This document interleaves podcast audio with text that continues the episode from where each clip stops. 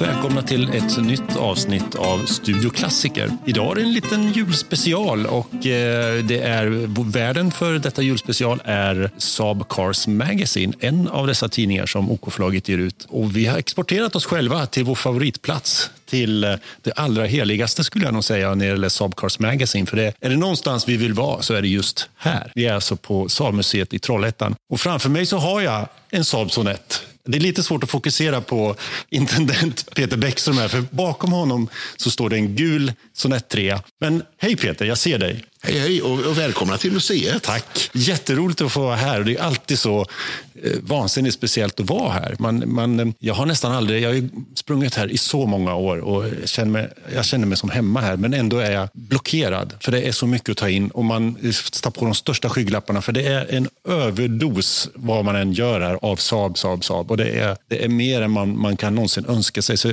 ja, jätteroligt att få vara här. Och Joakim Bergqvist från tidningen Saab Cars Magazine, du är också här. Jag är också här. Mycket roligt att vara här. Och det är precis som ni säger båda två. Så fort man får komma till museet så man lever upp kan jag säga. Det är fantastiskt att få gå runt. Man kommer tusentals idéer och man får bara gå runt och njuta och ja, rositta det bästa Ja. som finns. Ja, och det är ju någon slags, något adrenalinpåslag här som inte ens är mätbart. Och jag vet inte Peter, jag måste fråga dig. Du har ju varit intendent.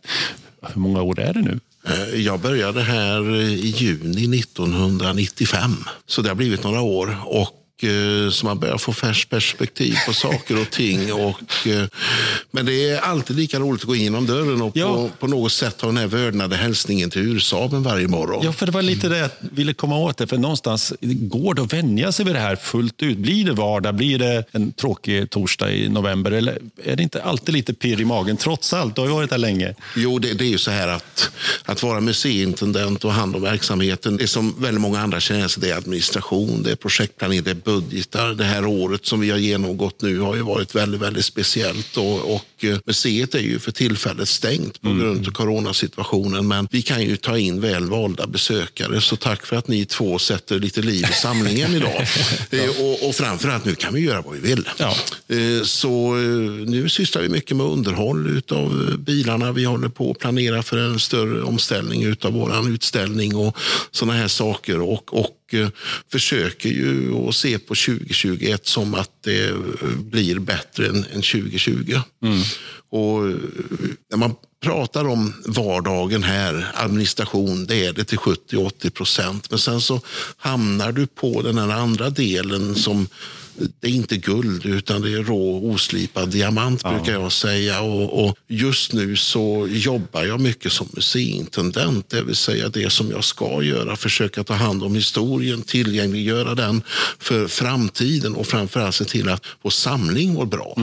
Och finns om hundra år. Det, det är ju faktiskt det som är grunduppdraget. Det är ett stort åtagande för att när man kommer hit så slås man av alla dessa fina bilar som står och de är välputsade och det är snyggt och ordning och väldigt. Men det, bilar mår ju inte bra av att stå. Hur, hur märker ni det? Hur yttrar sig det bland, bland museibilarna? Bilar tycker generellt om att köras och eh, idealiskt skulle vi ju vilja starta upp varje bil en till två gånger per år eh, när det är fin sommardag eller en dag då det inte regnar och så åka ut och köra en fem sex mil och, och låta alla oljor och vätskor åka runt och, och sånt. Det, det mår, mår de bäst av faktiskt. Sen så har vi en väldigt bra förvaring. Här har vi rumstemperatur, vi har det torrt och bra på alla sätt och vis som rostar inte.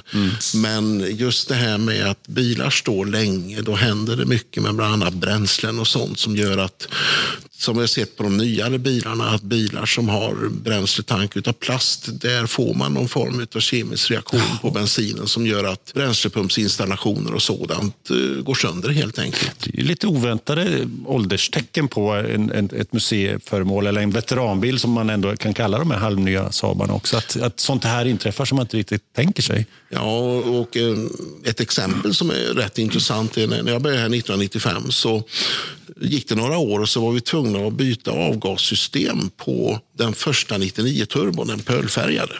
För det var totalt sönderrostat. Jaha. Eh, Mätarställning 32 mil. Oj.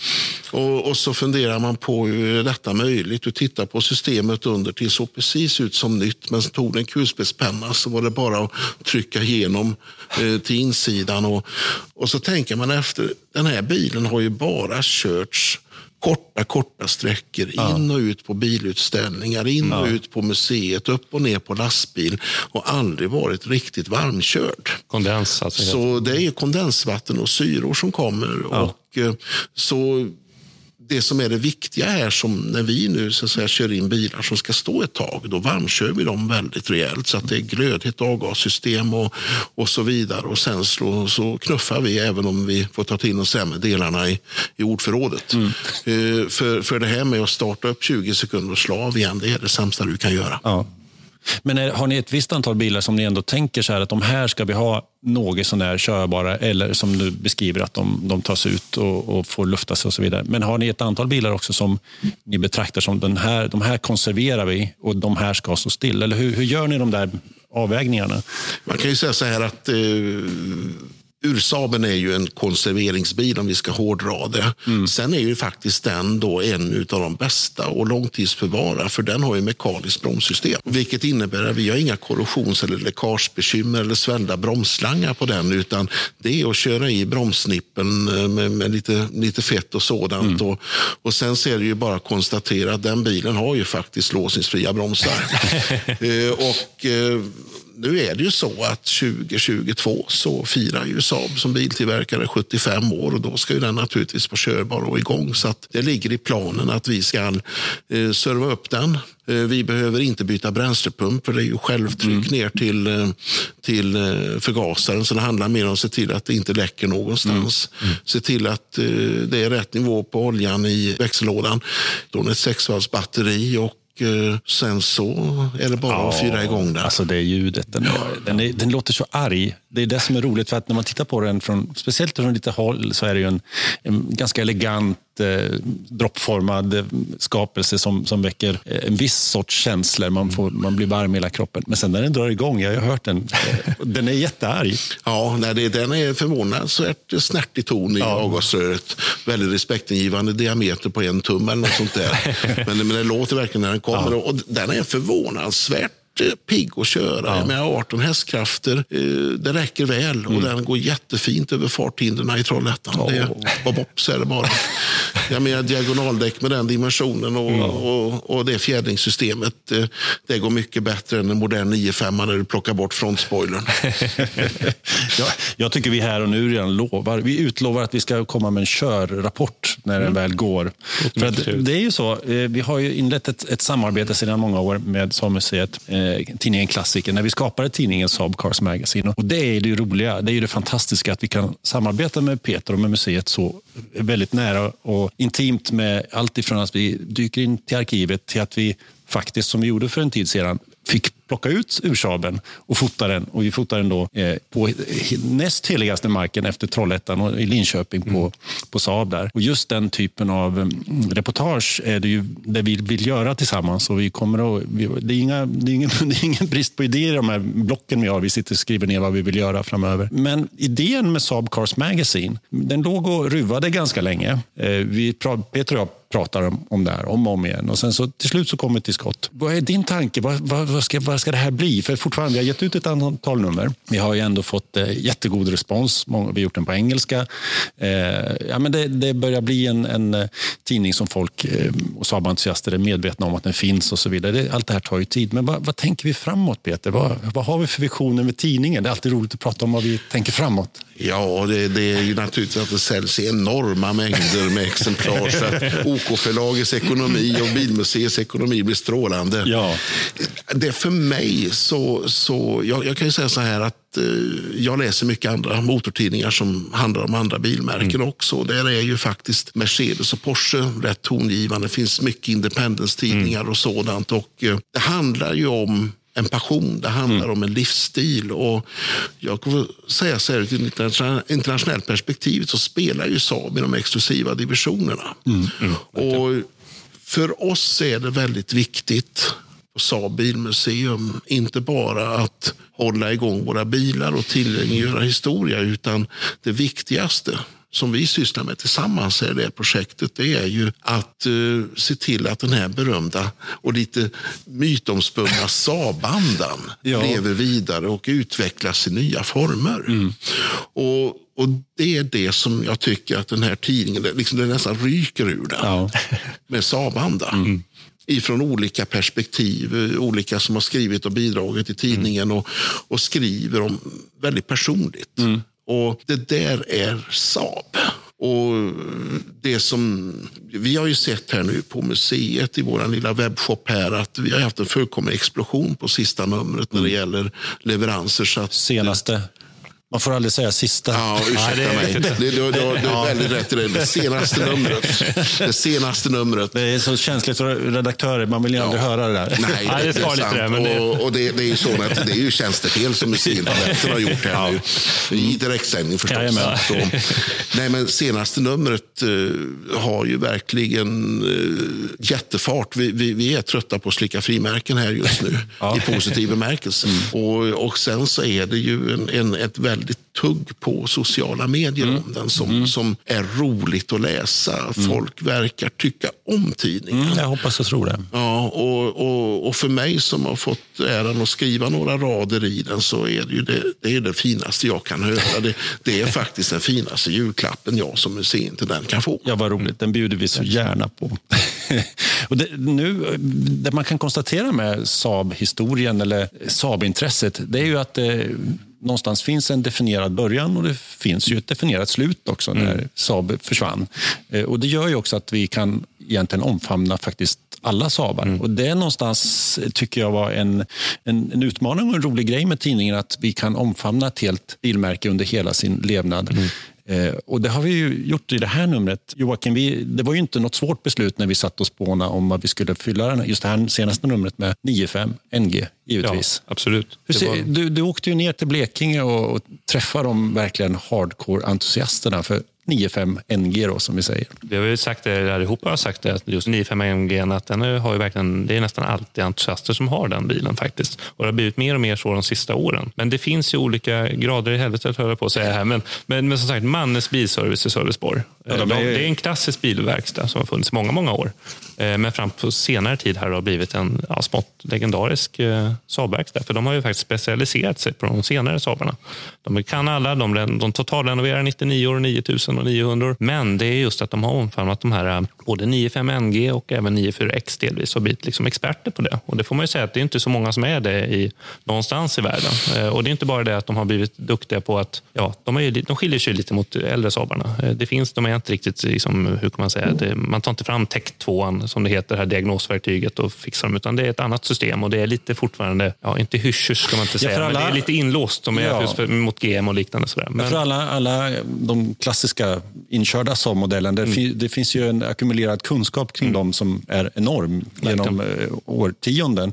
Men här är ändå en modell som bara levde under väldigt kort tid. Ja, men många andra Saabar har ju istället fått, de har levt, inte på övertid ska jag inte säga, men de har levt längre än vad många konkurrenter fick göra. Ja. Och de har fått kämpa med det. Men det här är ju en modell som den hann inte ens fram till andra halvlek, får man ju säga, eh, 9-5. Utan det fanns mycket potential kvar. Det fanns många modeller som skulle komma. Där man hade inte gjort någon facelift på den exempelvis. Och den hade fått leva i många år till, mm. den här bilen. Men, eh, och det var ju mycket spännande där som fanns i kulisserna. Mm. som aldrig fick visas upp. Och Det är ju så med alla bilar såklart, att det finns många detaljer och idéer som aldrig kommer fram hela vägen. Men här fanns det verkligen saker som bara som var ett halvår bort. Så nu är det, nu är det entusiasterna som tar vid på något sätt och, och får det här att hända. Man, mm. man utvecklar modellen och man tänker vidare på Saab-vis. Vad hade mm. Saab gjort? Vad, hade kom, vad låg i, runt hörnet? Och, Precis. Och det med just Mannens bilservice som utmärker dem, det är inte bara det att de löser problematiken runt bilarna på det som redan finns ute, utan de har även forskat vidare och gått några steg till. De har hittat detaljer som fanns på prototypbilar och eftermonterat det här och de eftermonterar även mycket andra detaljer. Det fungerar lite på det sättet skulle jag säga som att det är de som vill gå och köpa en ny Saab 9-5, men det kan de inte göra och då kan de hitta en nio år gammal Saab 9-5 istället och få den att kännas som en 2019 års modell eftersom att de uppgraderar det och de totalrenoverar bilar. Så mm. det är i princip som att det är en av få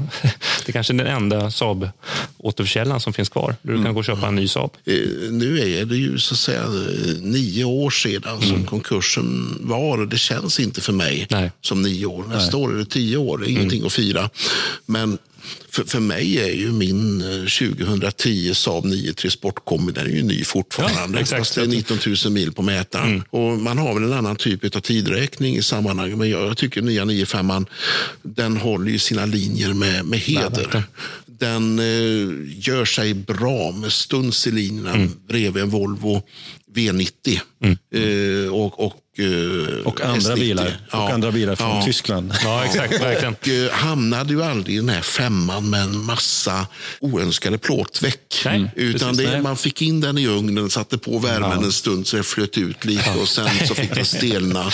Eh, för, för så även om den till stora delar var utvecklad i, i Tyskland och, och, fick en väldigt svår förlösning, den skulle mm. egentligen tillverkas i Rüsselsheim, så, så blev den ju hemflyttad på senare år mitt i den ekonomiska problematiken. Mm. Och, så den förlöstes ju egentligen inte på en kväll utan under flera år. Mm.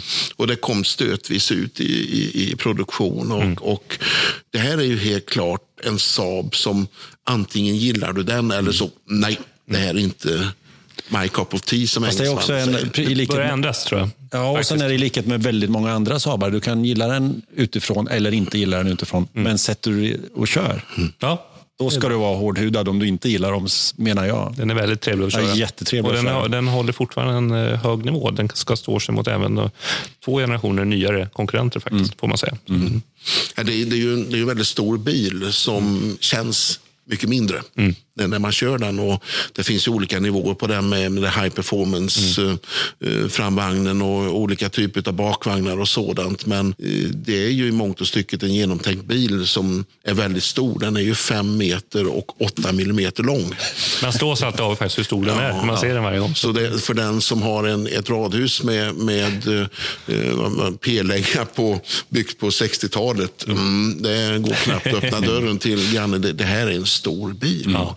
Och han är ju inte lätt heller i, i sina maxspesade mm. versioner. Och, uh, vi har ju då en maxspesad V6 hos oss med fyrhjulsdrift och mm. automatlåda och den har ju en tomvikt på 2129 kilo. Mm det blir ju inte bra om man har ursaabsmotor på 18 hästkrafter i den. Nu väger ursaaben typ 750 kilo, vilket mm. går utvecklingen åt rätt håll. Det mm. kan man ju diskutera. Är, och, och, ja. Men det är ju modet idag. Alltså bilarna blir större och större. Och jag minns ju när konkursen kom. så mm. svarade jag många journalister åtskilliga gånger att den nya 95 ligger inte rätt i tiden. Den var med facit på hand för stor. Mm. Gud vad fel jag hade. Ja. Jo, alltså den här utvecklingen bara fortsatte och fortsatte. Och, och fortsätter. Ja, och fortsätter. Vilket ja. är Så den låg rätt i tiden. Ja, mm. anmärkningsvärt och lite ledsamt. För man, gillar ju, man gillar ju lätta, smarta, små bilar. Eh, där, det är, där ingenjörstimmarna har gått till att banta istället för att mm. bygga större och större. Mm. Det är min personliga åsikt. I alla fall. Mm, absolut. Och nu är det bilar som har gått många, många mil mm. också. Jag, jag följer ju vad, vad Mannes Bilservice gör och fascineras ju väldigt av det. Det var en bil som kom ifrån Östersundstrakten som hade gått något på 32 000 mil. Mm. Där ägaren då hade beställt en total renovering av underredet. Eh, det vill säga att det ska inte synas saltlake och sådant mm. vid körning och sånt. Eh, där man plockade ner hela bakvagn och framvagn och, och, och lackade om hela underredet och rostskyddsbehandlade så att det såg ut bättre än från fabrik. Ja, Men det här är ju ett uttryck som bättre från fabrik som är mm. slitet i sammanhanget. Ni har ju sett det många gånger. Men mm. det, det, är oerhört imponerande jobb och, och, det där förstår man ju är inte billigt. Nej. Nej.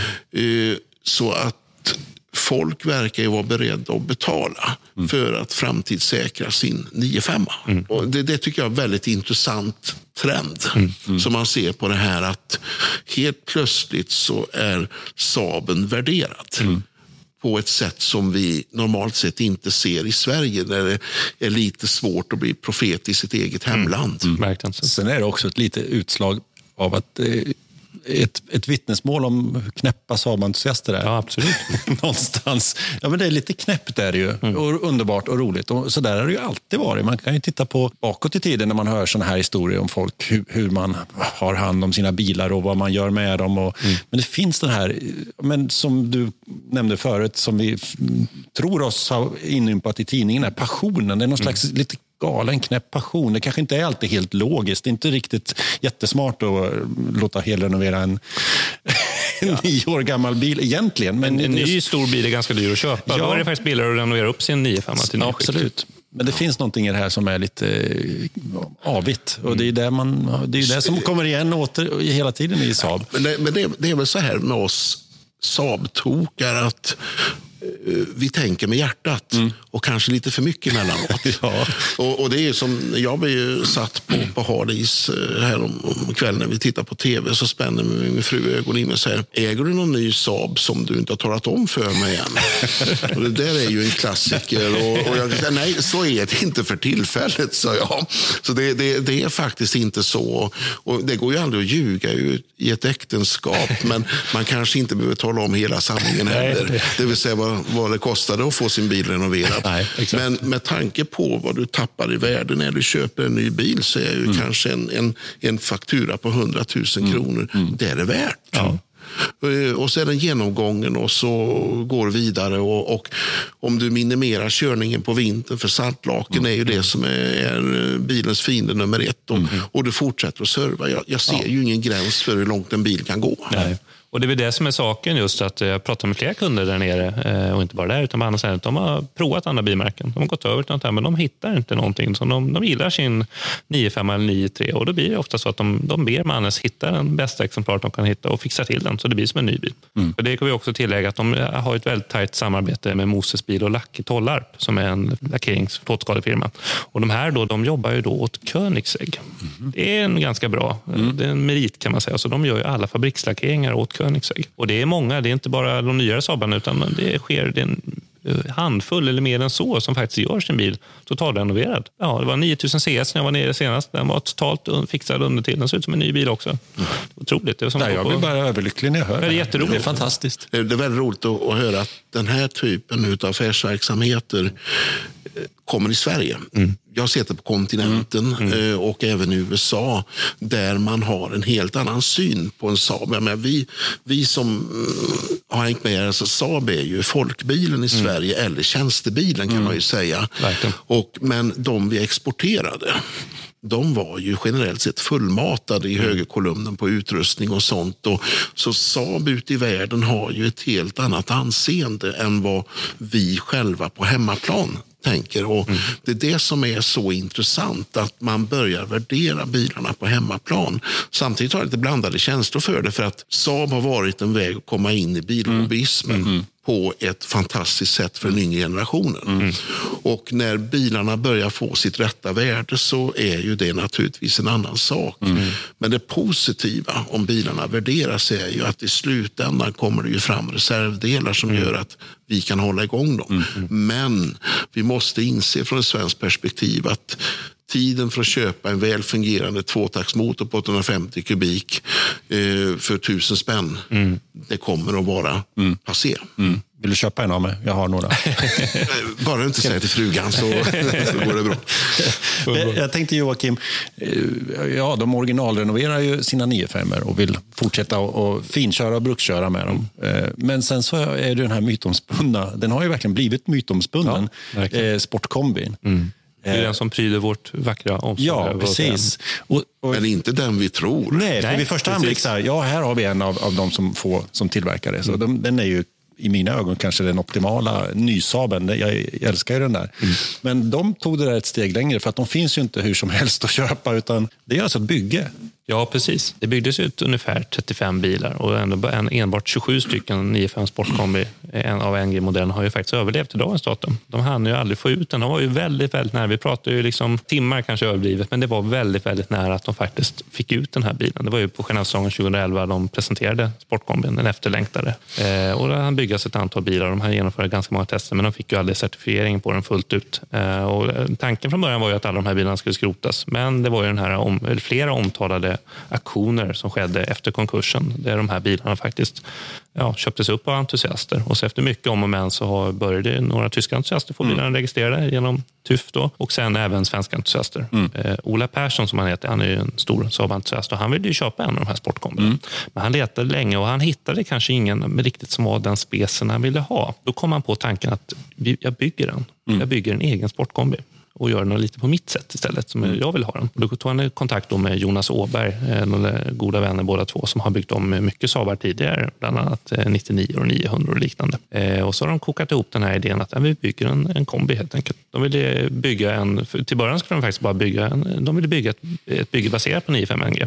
De pratade först om en kupé Ja, det är också en rolig idé. Jätterolig idé. Mm. Men då var det att man började flytta B-stolpar och sånt där. Och då mm. påverkar man ganska mycket liksom hela bilens struktur och krocksäkerhet och liknande. Mm. Sen var de faktiskt inne på en cabriolet också, kort tid.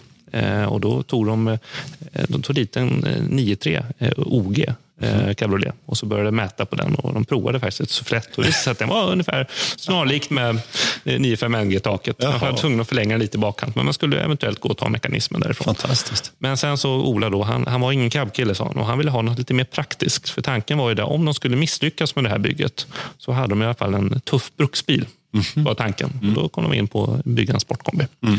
Och till en början så var de ganska nära på att man skulle bygga en exakt kopia. För den här är inte det? Alltså det... Nej, det skiljer ju ganska mycket på den faktiskt. Man ställer dem bredvid varandra. Vi återkommer till ja, det lite längre ja, ja, fram. Men, men eh, som sagt, då skulle de bygga en exakt kopia. Men det var väl efter en stund så tänkte de det att dels så vill vi göra den lite mer som vår vision. Att den ska bli exakt som vi har tänkt oss. Och så var det också det att de här, om 95 NG Sportkombi är en ovanlig bil så är delarna nästan lika ovanliga faktiskt. Mm. Och de kom fram till det beslutet eh, att ja, de här få delarna som finns, för den bakdelen är ju verkligen helt annorlunda på en sportkombi jämfört med en sedan. Mm. Det är en annan baklucka såklart och det är en annan påbyggnad, men även bakhusrampen och bakljusen och hela stötfångaren skiljer ju markant just för att få en mm. praktisk fin lasttröskel och liknande. Eh, och då kom de på att vi bygger en sedan. Vi bygger på en sedan och så lägger vi på en kombibakdel på sedanen. Helt enkelt. Då får man ju lite nättare, lite sportigare utseende. Mm. De gick inte efter att få ett stort kombiutrymme, utan det var för att få en, bygga en sportigare sportkombi helt enkelt. Så vad är det exakt om man går igenom bakdelen? Det här tycker jag är ja, Det här är väldigt avancerat. Men vad är det som skiljer då? Det är många som tror att det här är ett enkelt bygge och det är det ju inte riktigt. Det kan det knappast vara. Nej, för att eh, det var kanske lite mer slump. Eh, Jonas då som han heter. Han gick ut på morgonen, eh, var lite stressad till jobbet och tittade på garageuppfarten. Närmast dörren, då, ytterdörren, där står då hans 95 NG Sedan. Mm. Och bakom den så står då en Opel Insignia, kusinbilen, syskonbilen, i sport, sport tourer-utförande. Fanns, ja. Exakt, den fanns ju som kombi. Mm. Och då, tänkte, då slår han honom, varför tar vi inte hjälp av en Insignia? De, är, de kan inte vara så stor skillnad. Så att han börjar mäta upp med en kartongmall där då för att jämföra. Finsignan har ju kanske en av bilvärldens absolut största bakluckor. Mm. Den är otroligt klumpig om man får uttrycka sig så. Den är väldigt välvd och den väger väl som en två ur Saab ungefär. Den, är, den är väldigt, väldigt stor den här bakluckan. Ehm, han började med en kartongmall mäta upp och så märkte han det att den här extremt välda bakrutan på Insignian, den följde nästan exakt samma linje som bakluckan på en 95 NG Sedan. Då kom de fram till det. Så vi kan det måste ha varit ett helt förlösande ögonblick. Ja, väldigt, väldigt mycket. Så de, efter mycket om och men och gjorde designskisser fram och tillbaka och de kom fram till hur de skulle göra. Och Då köpte de in en Insignia från en skrot och fick i stort sett en halv bil uppkapad skickad hem. Så att det som består från Insignia det är alltså ovandelen av bakluckan, bakrutan och även eh, D-stolparna på insidan, alltså de bakre takstolparna. Det kommer från en Insignia. Sen är allting annat runt omkring det är ju specialgjort och handknackat eh, för att få rätta formerna. En av de stora diskussionsmomenten det var ju hur ska de bakre sidorutorna se ut? För på en eh, 9-5 Sportkombi då har de ju sin speciella form. Mm. C-stolparna på, påminner ju mycket om sedanen. De har ju en liten påklistrad elakt sagt, men de ligger lite utanför för att få till just att det kan se ut som en sedan som mm. har fått en liten mm. kombibaklucka. Eh, sen ska det väl erkännas när 95 första generationens sportkombi tog fram så designa, hade man ju faktiskt designförslag att den skulle få en mer konventionell bakdel som senare kom på 9.3 Sportkombi istället. Eh, det fanns ju med i utvecklingsarbetet, men där valde man ju då den här lite mer påklistrade. Lite krångligt här nu. Jag vet inte riktigt. Jag tror ni förstår ungefär. Jag, jag tror vi förstår. Ja, den är egentligen som den första 9.5 Sportkombin. Det är ju det grundkonceptet mm, med exakt. sedanen som har fått en, mm, jag vill inte säga låda på sig, men tillbyggnad. Mm. Tillbyggnaden är väldigt fint uttryckt. Ja. Mycket bra Peter, tack. Eh, som sagt, den här tillbyggnaden. Och de valde då mellan, velade fram och tillbaka om de skulle göra lite mer som en 9.3 Sportkombi, alltså en mer att sidorutorna följer varandra och sen mm. så kommer sista takstolpen. Mm. Eh, luddigt förklarat. Eller om man då skulle göra som den första och andra generationens eh, Sportkombi 95. Ehm, och då valde man då helt enkelt att göra då den mer klassiska Saab kombiformen mm. än den här påbyggnaden. Mm. Då börjar man ju leta donatordelar.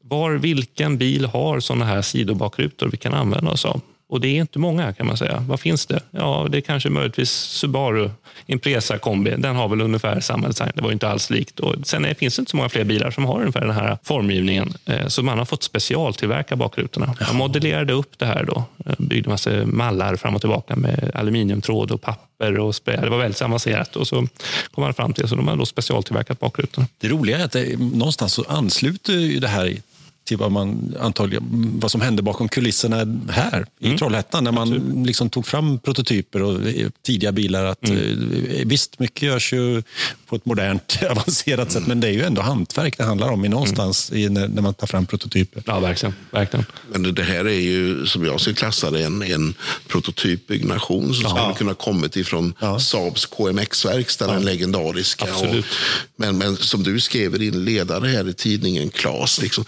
sätta vinkelslipen ja, det är otroligt. som är värd 300 ja. 000. Ja. Eh, det gör ont när man gör det i en bil som är rostig som är värd 3. Ja. Eh, ja, men återigen, jag skulle aldrig greja det. Återigen, det är lite knäppisar.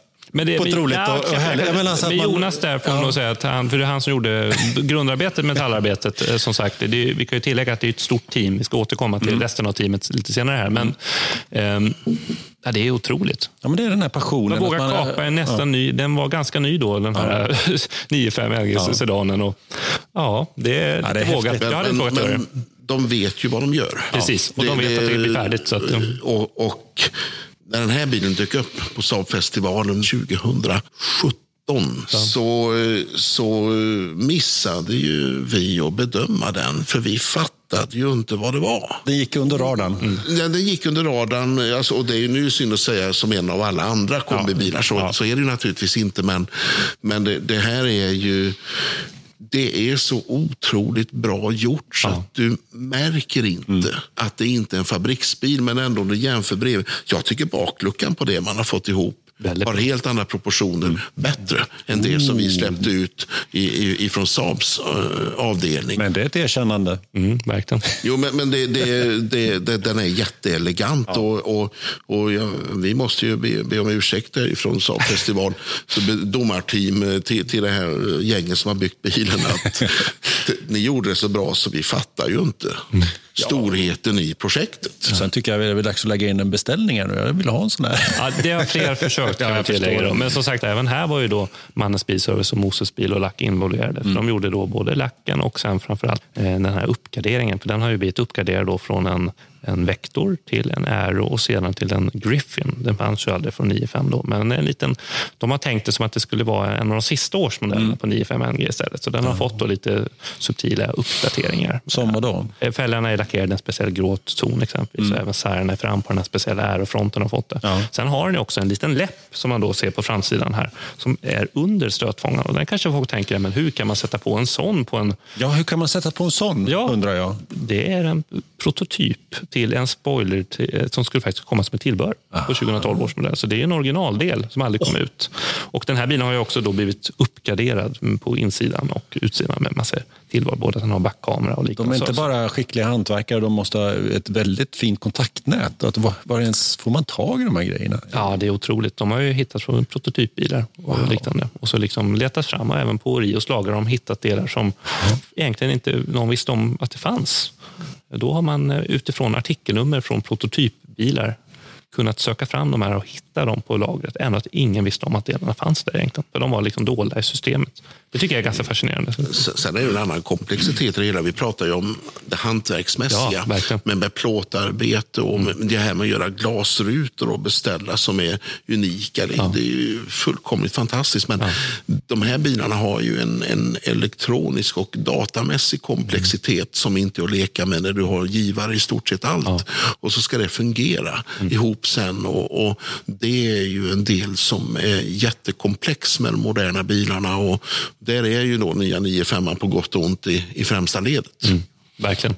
Det skiljer sig och, väldigt mycket från Så det, är, det är en otroligt bred kompetens som den här konstellationen runt denna bilen mm. uppvisar. Mm, verkligen. Och det, och det blir väl nästan eh, värre eller bättre hur man nu ser det som. De har ju även gjort många andra 9-5 uppgraderingar, men de har vi också skrivit om i tidningen. Mm. Jag får ju känslan av att eh, det är ju den yngre generationen utav Saab-communityn som har samlat sig runt i synnerhet 95 den, mm. den sista och eh, även då de senare modellerna utav mm. 93 mm.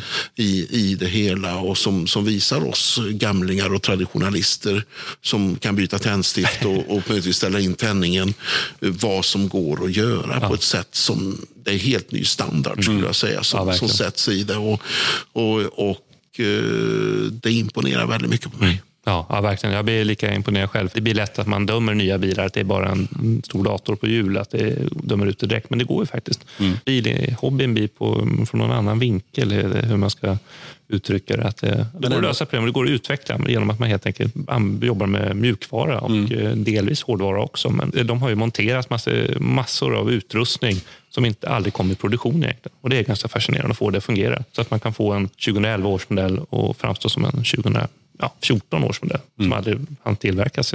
Men det var ett, ett helt team bakom den här bilen? Ja, det är väldigt många involverade. Men framför allt är då både Jonas Åberg Ola Persson som äger bilen, eh, som höll på mycket med design och var lite projektledare kan man säga. För det är ju verkligen som en, precis som Peter säger, den kan vara gjord på Saabs prototypverkstad i princip. Eh, och sen så då Mannes Bilservice som har gjort alla de här, både uppgraderingar och eh, just att fixa till alla inredningsdetaljer. För jag menar en, en kombi-inredning skiljer sig faktiskt väldigt mycket mm. från en sedaninredning. Mycket handgjort gjort där eh, och också uppgraderingarna. Och sen då Moses bil och Lucky Tollarp som har gjort det här fantastiska, fixat till plåtarbetet, fått till de sista detaljerna och gjort den här lackeringen. Mm. Nu, kanske, nu kan vi ställa en liten fråga här nu då. Nu kanske ni har läst artikeln i och för sig, men Nej. vad är det för kulör på den här bilen? Eh, jag har skummat eh, artikeln att det är något ska ha emellan dagarna. Nej, jag ska väl... Det... Den är viter. Ja, men, Som man säger i Västervik, den är viter. Ja. Är det någon metallic-stänk i den? Eller? Ja, det är lite pearl-stänk till och med. Ja, som heter. Och de, de var ju väldigt inspirerade då av Aero X, konceptbilen. Den har ju en fantastiskt vit, tuff kulör. Men när de läste av den faktiskt där på museet så visade det sig att det var väldigt, väldigt svårt att ta fram den här. Det blev lite gråblaskig nästan. Den är en färg på Aero X som är väldigt bra, fantastiskt strålkastarljus på bilmässor och liknande. Men det var väldigt svårt att återskapa den här färgen. Och då vill man ju ändå komma väldigt nära. Så det här är en originalkulör. Det är den från 94X, White Pearl Metallic som den heter. Och det är också en Saab-kulör som ja. skulle troligtvis ha kommit på 95 men som aldrig hann ut. Coolt.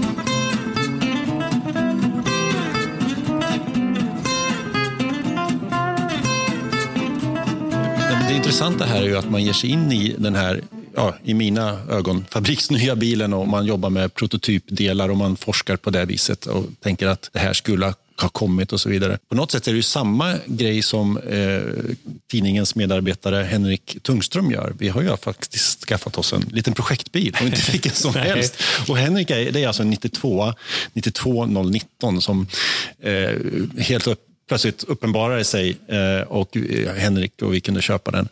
Eh, så att han har börjat att pilla med den där ganska intensivt. Och han, han går också in med, det, med de ögonen att det är en så väldigt tidig bil. Han är ju oerhört noggrann och vill få allting rätt. Och Han forskar på varje liten detalj. Jag pratade med Henrik bara för en stund sedan. Då, då ringde han och var så upphetsad och insåg att skärmarna på de allra tidigaste 92orna ja, kanten vid julhus, julhusen, de har olika vinklar beroende på när de gjordes i serien. Och, hans, och de skärmarna som sitter på den här bilen är väldigt dåliga. Men han, och han hade elva stycken reserv och gick och plockade och tittade på det där. Men han kunde, absolut, kunde absolut inte tänka sig att byta nej, till bättre. Så nu, nu stod han där och, och måste rostlaga dem och buckla ut dem så mycket det bara går eller så lite det bara går snarare, för att han är väldigt antikvarisk i sin hållning till den här bilen som jag blev också erbjuden att köpa den. Jag tittade på den på, på bild och jag var jättesugen. Men jag kände bara, nej, jag kan inte ta på mig ett projekt till. Eh, och jag är inte den typen av, av jag är inte den där bilrenoveraren på det sättet. Så jag var jätteglad att kunna eh, langa över eh, stafettpinnen till Henrik och ändå få vara en del av det här. Eh, men, men han, han närmar sig bilrenoveringar på det sättet att han går in med mikroskop och tittar och tänker och tänker en gång till. Och nu var det det här med olika kulörer på den här gröna eh, färgen och, och, och, allt, allt, allt sånt där. Så att där har vi en, egentligen på något sätt samma slags drivkraft, samma anda som, som de som håller på med den här 9-5. Det, där tycker jag ändå man förenas i den här Saab communityn som finns, att den här enorma passionen för de här knasiga bilarna oavsett årgång. Och där, där famnar vi ju allihopa egentligen i tidningen. Det, det som, som jag funderar på det är ju liksom, ska den renoveras i nyskick eller ska man renovera den så att den har kvar sin patinering. Frågan ja. är om patineringen är för mycket. Mm. Ja. Det, och, och uh, någonting som, som verkligen har utvecklat sig genom åren det är ju det att uh, när jag började på museet då var det i stort sett det som gällde som en trend, att totalrenovering av bilar. Mm. Och, och, man tvättade bort själen i dem. Mm. Och, uh, jag brukar säga, har du någonting som är bra så behåll det mm. på det sättet. Och, och det, du behöver inte skämmas för en patinering. Och jag tror att för väldigt många så är ju bilen som allra intressantast nu när man gräver i dammet och, mm. och liknande. Det, jag själv har en fascination för väldigt matta Saab Sportar och Monte Carlos långnos utan avkapslar. Ja. Eh, som som eh, blir, eh, de är bättre när de är matta. Mm, mm, mm. och, och, och det där är, är det är väldigt intressant. Ja, och att det, det, finns egentligen inte något... Förut var det en sanning att skulle man hålla på med gamla bilar då, då skulle de återställas till nyskick, punkt mm. slut. Det fanns inga alternativ. Men de senaste 20-30 åren nästan nu. Så ja. Det finns en hel skala där man kan röra sig i och, och var, var, man lägger sig, hur man, hur man tar sig an en renovering mm. och så vidare. Vilket har gjort det oändligt mycket mer intressant och kanske svårare också i många ja. avseenden. För att det är till syvende och sist ägaren eller den som driver projektet som ska avgöra. Mm. Ska man gå vidare med en ny lackering eller ska man inte? Jag, jag närde ju en, en intensiv dröm, mitt eget långprojekt med Saab 93 då, som jag köpte när jag var 14 år. Det är ju några år sedan.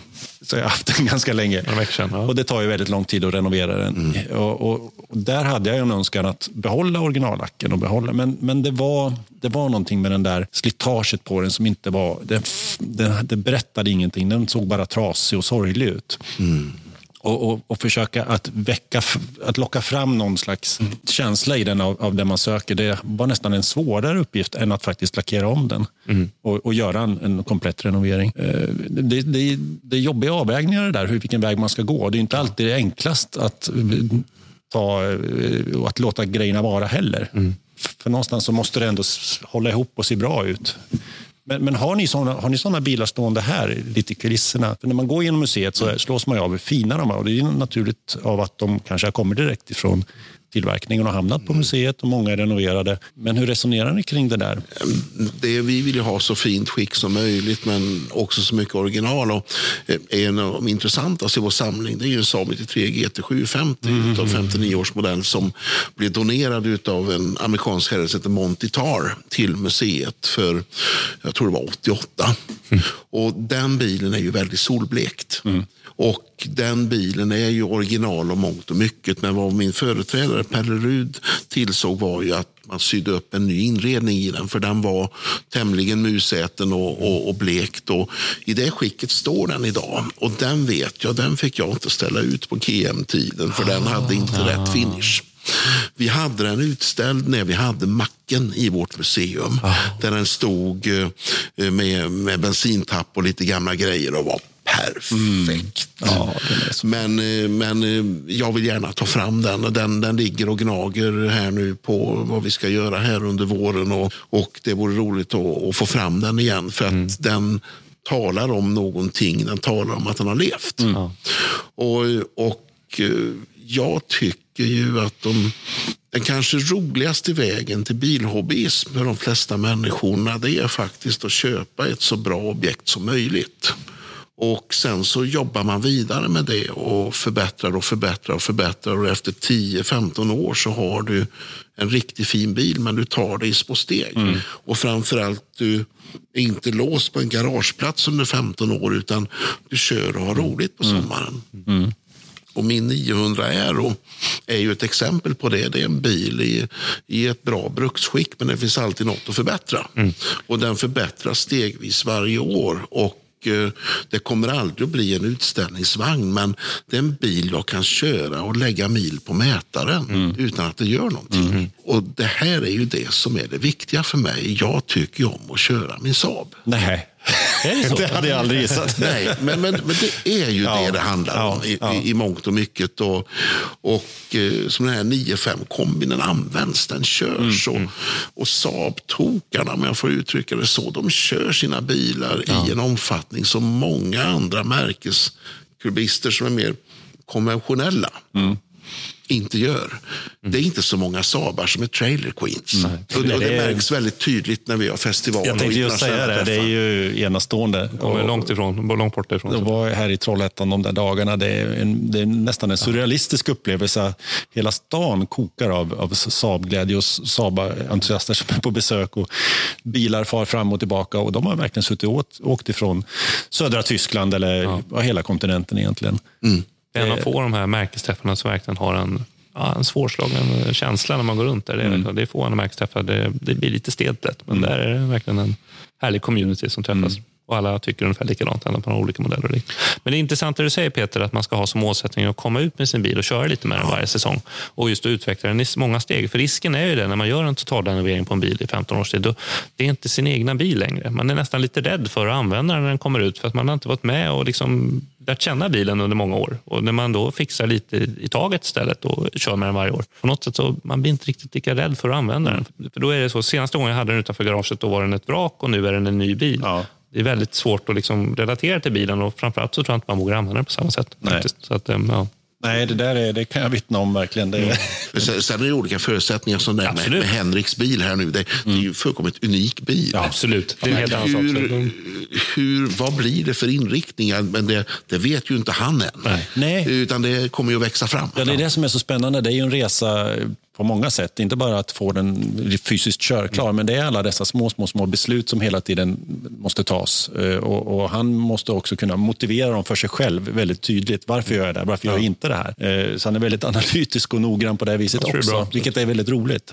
Och jag, jag ska säga det, vi, eh, kolla in Henriks eh, vedermödor. Han går snabbt in på detaljnivå Mm. och eh, har även övergripande stora projekt på gång. att Byta golv, men nu fick jag senast en rapport om att han hade återskapat den här dekalen som satt i Ah. bakrutan på provbilarna. Och han har gjort det med, med vetenskaplig noggrannhet. En 92 provvagn. det. Artificiell eh, pa patinering samtidigt. Ja, visst. Så, men eh, man kan följa hans projekt, eller vårt projekt, ska jag säga, Saab Cars Magazine, på saab93f.blogspot.com. Vilket är lite udda, men han hade alltså 93F som tidigare projekt. Eh, och av praktiska skäl så får han fortsätta på sin, sin gamla blogg. Då. Så där kan man även se hans tidigare projekt som Värd att besöka kan man säga. Verkligen.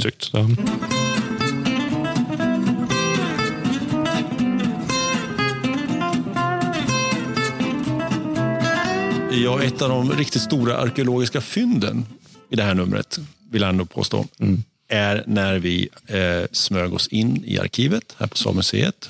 Ett underbart ställe. Vi tillbringar gärna många, många timmar där i redaktionen. Dagar, veckor. Dagar, veckor, rullar ut sovsäckar och mår bra helt enkelt. Eh, det var när vi drog ut en perm, öppnade permen och hittade urdokumenten vill jag påstå. Det här är de, hör till de heligaste dokumenten i Saabs historia. Och det handlar naturligtvis om aerodynamik på ett väldigt specifikt sätt, nämligen den klassiska lufthyveln som den kallas. Lite slängigt sådär. Men här hittade vi alltså eh, ingenjörernas stora utredning när man skulle då införa den här eh, slitsen i bakkant på taket på Saab 95 i början på 60-talet. Och man gjorde det grundligt, givetvis. Såklart. Hade med eh, Opel Rekord som eh, en, en jämförelsebil och man testade olika lösningar visade sig. Och allting är dokumenterat med bilder och eh, eh, rejäla utredningar på ingenjörsvis, flygingenjörsvis. Och det roliga är att vi kan ju alltså verkligen leda i bevis här att man hade på gång en, en ovanpåliggande takspoiler till exempel. Man laborerade med många olika lösningar. För problemet var ju med den här eh, fina kombimodellen att den faktiskt, eh, bakrutan smutsade igen när man körde på grusväg och sådär. Och det vill man ju inte ha. Och idén var att leda ner luften som på något sätt höll den ren. Och det lyckades man ju med. Men det man kom fram till till slut var ju en, en, en slits i själva taket, en nedsänkning som är väldigt elegant och väldigt, väldigt sabisk får man väl ändå säga. Och man gjorde väldigt grundliga efterforskningar för att få det här att fungera. Det är ju så att kombibilar med sin grundutformning får ju ett, kan man säga, litet vakuum aerodynamiskt eh, bakom som gör att eh, du smutsar ner bakpartiet mm. kraftigt. Mm. Mm. Och eh, det här då så löser man ju i moderna tider med bakrutetorkare som vi ser håller på och går i tid och otid på bilarna och mm. sådant. Och det här var ju en genialt tänkande mm. Det vill säga att idag thinking outside the box, det är ju mm. väldigt slitet uttryck, men det gjorde ju Saab från början. Det är mm. ett superexempel på att göra en lösning som ärligt talat inte kostar mer än en verktygsinvestering. Mm. Och den här fungerade ju. Ja. Eh, fungerade ypperligt och det fanns överhuvudtaget inget behov av en bakuttorkare på Saab 95. Nej. Men att man, att man identifierade det här problemet och, och tänkte direkt i de här banorna ja, måste ju ändå ha någonting med den starka flygkopplingen och Gunnar Ljungström som flygingenjör och, och, de var ju duktiga på aerodynamik. Det var väl den lösningen som man, som du säger, ansåg var den billigaste, smartaste och, och, och bästa lösningen. Mm. Och, sen, och sen är det rätt intressant för att bilen var ju ganska nyintroducerad också, har gått i produktion i drygt ett år ungefär mm. och så väljer man att göra den här ändringen. Mm. Och, just det till 1961 då, som, som jag tror det, det har att göra med en historia med Erik Karlsson på taket som han har förtäljt pojken på museet. Det var, det, det var jag det. eh, och, och, det var ju det att 1961 så körde ju Erik Karlsson eh, en Saab 95 i Monte Carlo-rallyt. Varför gjorde man det? Jo, för att eh, den var homologiserad med fyrväxlad ah, låda. Mm. Och det gör ju väldigt gott i backarna upp för Alperna. Och det fanns inte ännu inklassat på 96 mm. Så man körde ju den tävlingen med Saab 95, man kom fyra totalt. Man hade vunnit tävlingen totalt om inte det varit så att de franska arrangörerna lagt en 10% i strafftid på tvåtaktsmotorer. Så att de franska Dyna Panhard kunde vinna istället. Jaha. Men för att gå tillbaka till lufthyr så berättade Erik, de åker naturligtvis med någon form av prototyp eller förseriebil. Mm. Och innan start så fick de göra om bilen två gånger. För att den hade lufthyvel från början. Det togs beslut på att den inte skulle ha lufthyvel. Så de knackade igen det där hålet och spacklade upp och lacka. Och sen så innan de fick åka ner till Monte Carlo på starten så var det tvunget att ta upp den igen och åka med lufthyvel. För då var det beslutat att det skulle in i produktion. Så det var ett jävla målande på den bilen för att citera Erik Karlsson. Men det var ju bra att han åkte med lufthyvel för då var det klar sikt bakåt. Ja, han vände om på en sträcka och åkte i fel riktning om man säger så. Mm. De visste inte riktigt vad de skulle kalla den här. Man ser Gunnar Ljungströms egna ord i den här utredningen. Det, det, man pratar om ledskena eller luftkanal eller slotts. Slotts, det tycker jag är fint ja, slotts, ja. Men, men det var väl eh, enklast att kalla det lufthyvel för det var ju det den gjorde. Den ja. hyvlade ner en luftström bakom bakrutan. Mm. Ja, det, det, det här är Saab-tänkande och det här är sånt som kommer fram ifrån människor, vågar jag påstå, som utöver att vara synnerligen kompetenta tekniker och ingenjörer också är, ursäkta uttrycket, jävligt intresserade av ja. bil. Mm. Och det där ser jag som en röd tråd i mångt och mycket. Det här tänkte man på ett sånt sätt och det gör du inte om du inte är riktigt intresserad. Mm. Sen kanske det var en eh, en Lansen som stod där i prototyputförande och, och liksom det, ja. det skramlade till när någon ingenjör gick förbi. Mm. Det är ju inte omöjligt. Det, det, är ju flygtänk. Det är klart det är det. det är, och det är det roliga om man återvänder till Ursaben. Vi kan ju fylla ett antal poddar om bara det, men när man får titta på den noggrant och öppna dörrarna och krypa under och titta i hjulhusen och mm. det hänger ihop. Det hänger ihop väldigt tydligt fysiskt med det man gjorde i flygplansverkstaden. Mm. Hela, hela tänkandet kring hur man fogade samman saker. Vilket ibland naturligtvis, de gick ju lite för långt kanske ibland också. Mm. Eh, när, när, man drev det till att det skulle vara väldigt styva konstruktioner för en bil med väldigt liten effekt och så vidare. Men, men det låg verkligen i generna på, på riktigt. Och det, det, tycker jag har varit väldigt spännande att upptäcka. Det, är ju en sån där, det var ju en, en reklam, eh, ett reklambudskap i många, många år. Mm. Det här, ja men det är flygingenjör och det är flygkunskap och, och, och den typen av argument. Men när man tittar på konstruktionerna, kommer ner på ritningsnivå, vilket vi ofta gör när vi knallar runt i arkivet här intill, att det är verkligen så. Vilket gör det ännu mer laddat. Det här är väldigt intressant, det du säger flygingenjör som påverkar bilen. Och det här har ju en koppling i motsatt riktning i modern tid. För att mitt emot museet här i Trollhättan så har vi ett väldigt fint kontor där så Combitech på. Mm. Det är ett konsultbolag, dotterbolag till Saab AB i Linköping som i princip gick ut när Saab Automobil AB hamnade i de svåra problemen och dammsög på framförallt karosskonstruktion på Saabs tekniska utveckling. Och där sitter många av mina forna kollegor idag och sysslar med skrovkonstruktion på Gripen E. Ja, det är sant. Ja. enastående att tänka. Ja, det, och det är precis alltså korskoppling i, i, i, i den riktningen. Och det, det, var det man var ute efter. Så de som har jobbat med, med skrovkonstruktionen på 9-5 om man säger så, är till exempel 9-3 genom åren, mm. alltså, de jobbar idag med aluminiummaterial. Så, så det, det, här är, det här är jätteintressant. Mm. Och också ett sätt där man ser att Saabandra lever faktiskt vidare. Ja, och inte det minsta nostalgiskt, utan för framtiden. Ja, ja men det, den innehåller väldigt mycket, många olika underkategorier, den här omtalade Saabandan. Och alla har sin egen tolkning. Men det är som du säger, den, den lever vidare på, på riktigt. Den mm. finns där. Mm. I... Ingenjörerna finns ju kvar, bara att de jobbar mm. med andra mm. varumärken nu. Men det är intressant som du säger, det är fantastiskt att det går att vända på åt andra hållet. Jag, jag, jag, tror att jag talar för väldigt, väldigt många av mina forna kollegor på Saab att det står annat på visitkorten idag. Men hjärtat klappar för Saab mm, och det är ett mervärde mm. för deras nya uppdragsgivare. Mm. det har vi märkt på tidningen också. När jag, har haft förmånen att, få kontakt med många av dem som har jobbat på Saab. Mm. Eh, och många vill berätta om, om, åren de har jobbat och många har ju varit trotjänare också. Har varit trogna Saab väldigt länge och har jättefina historier och, och, och sånt som inte har skrivits om. Vi har, vi har den, den, listan är ju underbart lång ja. och vi kommer att återkomma till det många, många gånger. Vi har ju ett exempel i den här tidningen mm. och det är ju Leo Pedersen som har skrivit en artikel om en herre jag har jobbat med faktiskt, Orvar Johansson, ja. som jobbar bland annat på Karosslaboratoriet, eh, hållfasthetslaboratoriet på Saab. Och, och det, det, är en, det är en väldigt personlig artikel om, om en riktig klurgubbe, om jag får uttrycka det på det sättet. Och, och det handlar inte bara om ingenjörer på högsta nivå som påverkar utvecklingen av en bil. Men det säger jag till, liksom, köp tidningen mm. och läs. Mm. För det, det, det, det är en väldigt personlig artikel som jag tycker handlar om det som jag gärna ser i framtiden. Att det handlar inte bara om bil, mm. det handlar om människorna mm. som gjorde den mm. i olika sammanhang.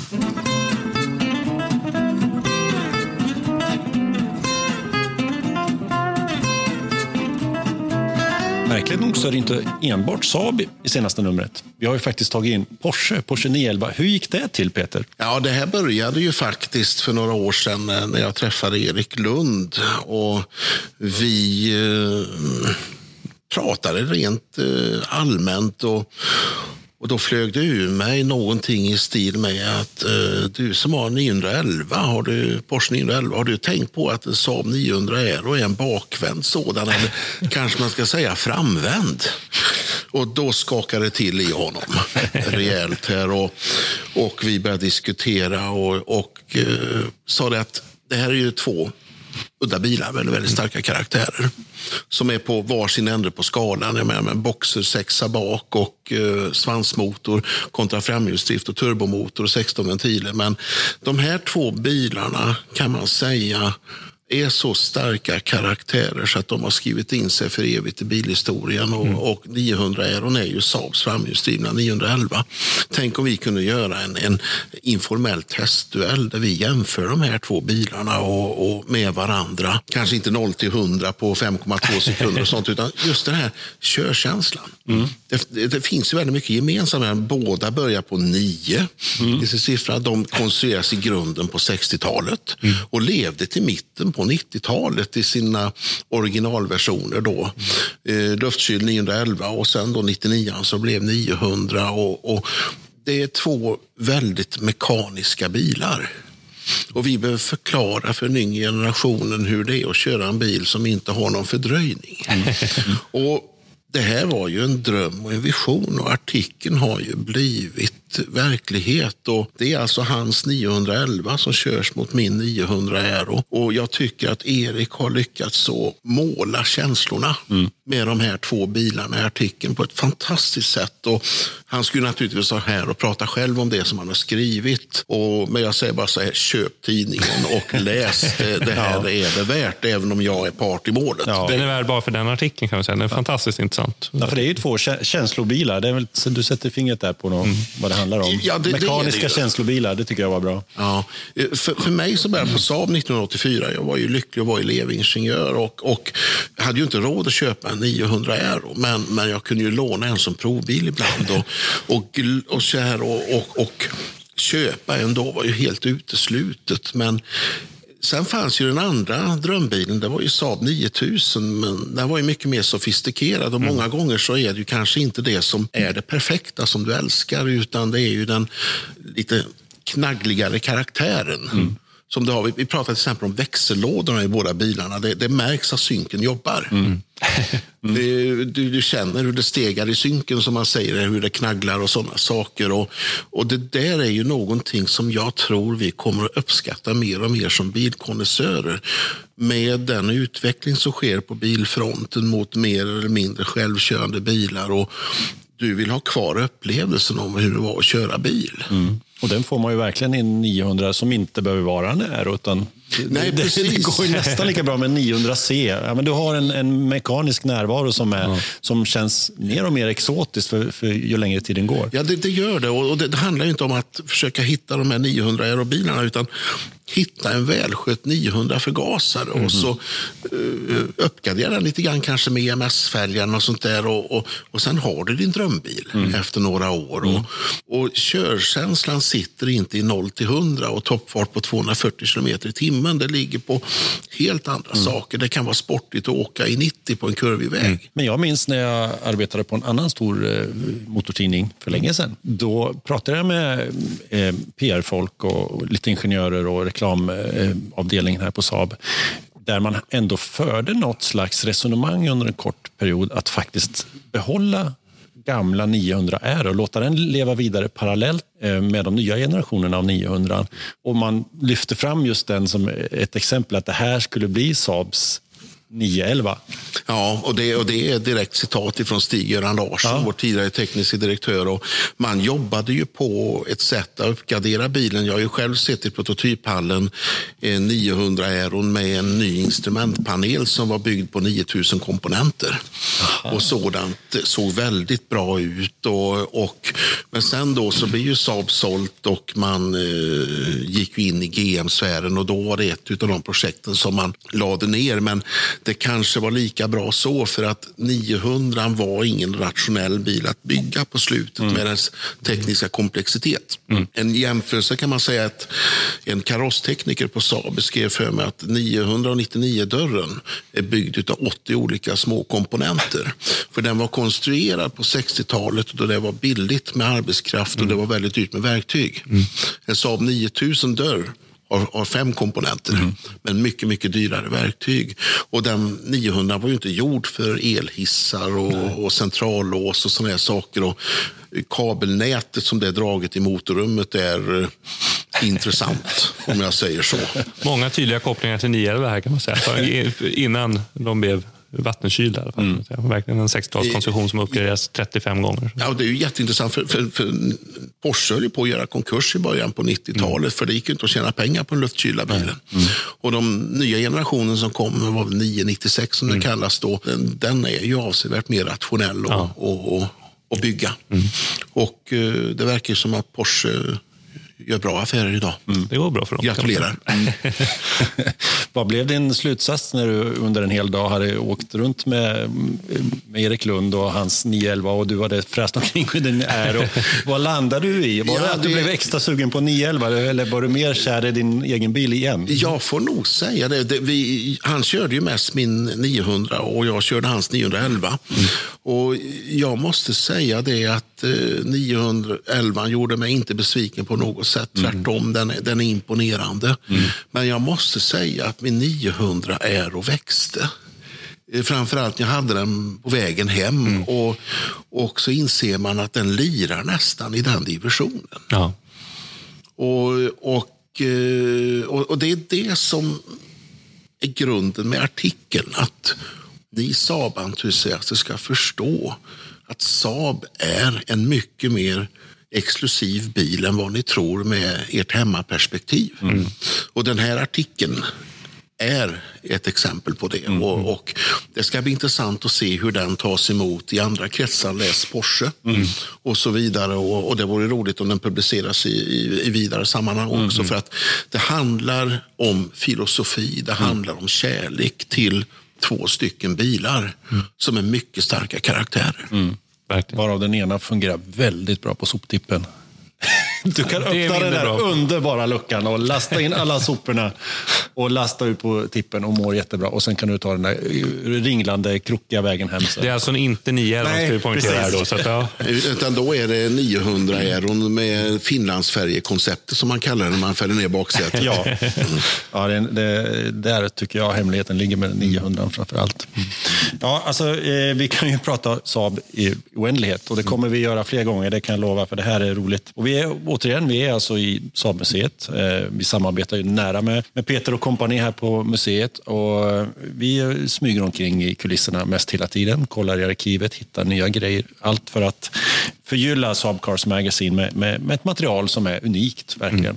Så det, det känns väldigt roligt, speciellt och ja, det är roligt att vara här också Ja, göra verkligen. den här podden Allt på, på plats. Man fylls av den här Saab. Ja, hjärtligt Saab-andan. välkomna till Trollhättan, som vi säger. Och, och det är lika så en ära att få vara med i er radioprogram. Här. Det heter ju podd. Och Ja. Jag brukar säga att det, det är så bra med, med radio och, och poddar, för då slipper ni ju se hur man ser ut. Ja, jag man får- slappna av lite. Ja, och jag tittar fortfarande mest på sonetten bakom, det ska du veta. Mm, jag förstår det. Och, och du Jocke, du håller på och smeker SVC-motorn. Ja, det fantastiskt. kompression. Ja, den ska vi också återkomma till Ja, senare. Det att han hade tio minuters eh, orerande om den här motorn som står bakom hans rygg. Den spelar vi inte in som sagt. Det var tur kanske. Men Men det, det känns väldigt skönt att vi hela tiden kan återkomma till en mängd ämnen här. Verkligen. Ja, det, verkligen. det lär väl återkomma som förslag i innehåll till framtida utgåvor på, på tidningen. Kan jag Jag tycker också vi kan eh, slänga ut den kroken till våra, de som förhoppningsvis lyssnar på det här och läser tidningen. att det går alltid jättebra att kontakta redaktionen via mejl eller så. Och vad vill ni läsa? Vad, vad, vi har möjligheten att förverkliga artikeldrömmarna här. Vi, vi har kontakterna och vi har källorna. Eh, Vi har långa listor själva på det vi absolut drömmer om och vill göra. Men det är alltid roligt med kontakt eh, där ute också. Vi tar gärna reda på faktan bakom myterna. För det finns många myter och många stories runt omkring som kanske inte har kommit fram i ljuset. alla Ja. Det är väldigt roligt att försöka ta reda på mer om dem. Så. Tidningen köper man eh, lämpligen i affären eh, om man hittar den. Och, och man kan alltid säga till att de ska eh, plocka hem den i, i, hos återförsäljarna i butik. Det är inga konstigheter. Eller så finns den på Saabmuseets hemsida, webbshop. Vi, vi har saabcarmuseum.se i alla fall och, och till min stora glädje så har jag även noterat att Konsum i Sjuntorp har tagit hem denna tidning vilket gör mig väldigt stolt. Jag köpte den bara för känslan. Det, det, Så du gick och köpte den, ja det är bra. ja, Och så ja, påpekar du för kassörskan att ja, jag har faktiskt gett flera. titta där, titta där. Det, Det är min bil det här. Ja. det är ett kvalitetsgodkännande att Peter Bäckström går och köper den. Jag kan ju säga det att eh, jag försökte ju skärma in mig och hon var väldigt vänlig men hon förstod nog inte storheten i det jag sa. Ja, och man kan ju alltså enkelt beställa den på www.klassiker.nu shop. Där finns även de gamla numren. Det är nummer fem. Det är nummer, Nummer fem. fem. Jajamän. Vi kommer att återkomma garanterat. Och ni som har hängt med ända fram till nu, ett hjärtligt tack för att ni lyssnade. Jag säger eh, tack till Peter Bäckström Tack ska ni själva ha. och tack Joakim. Tack så jättemycket.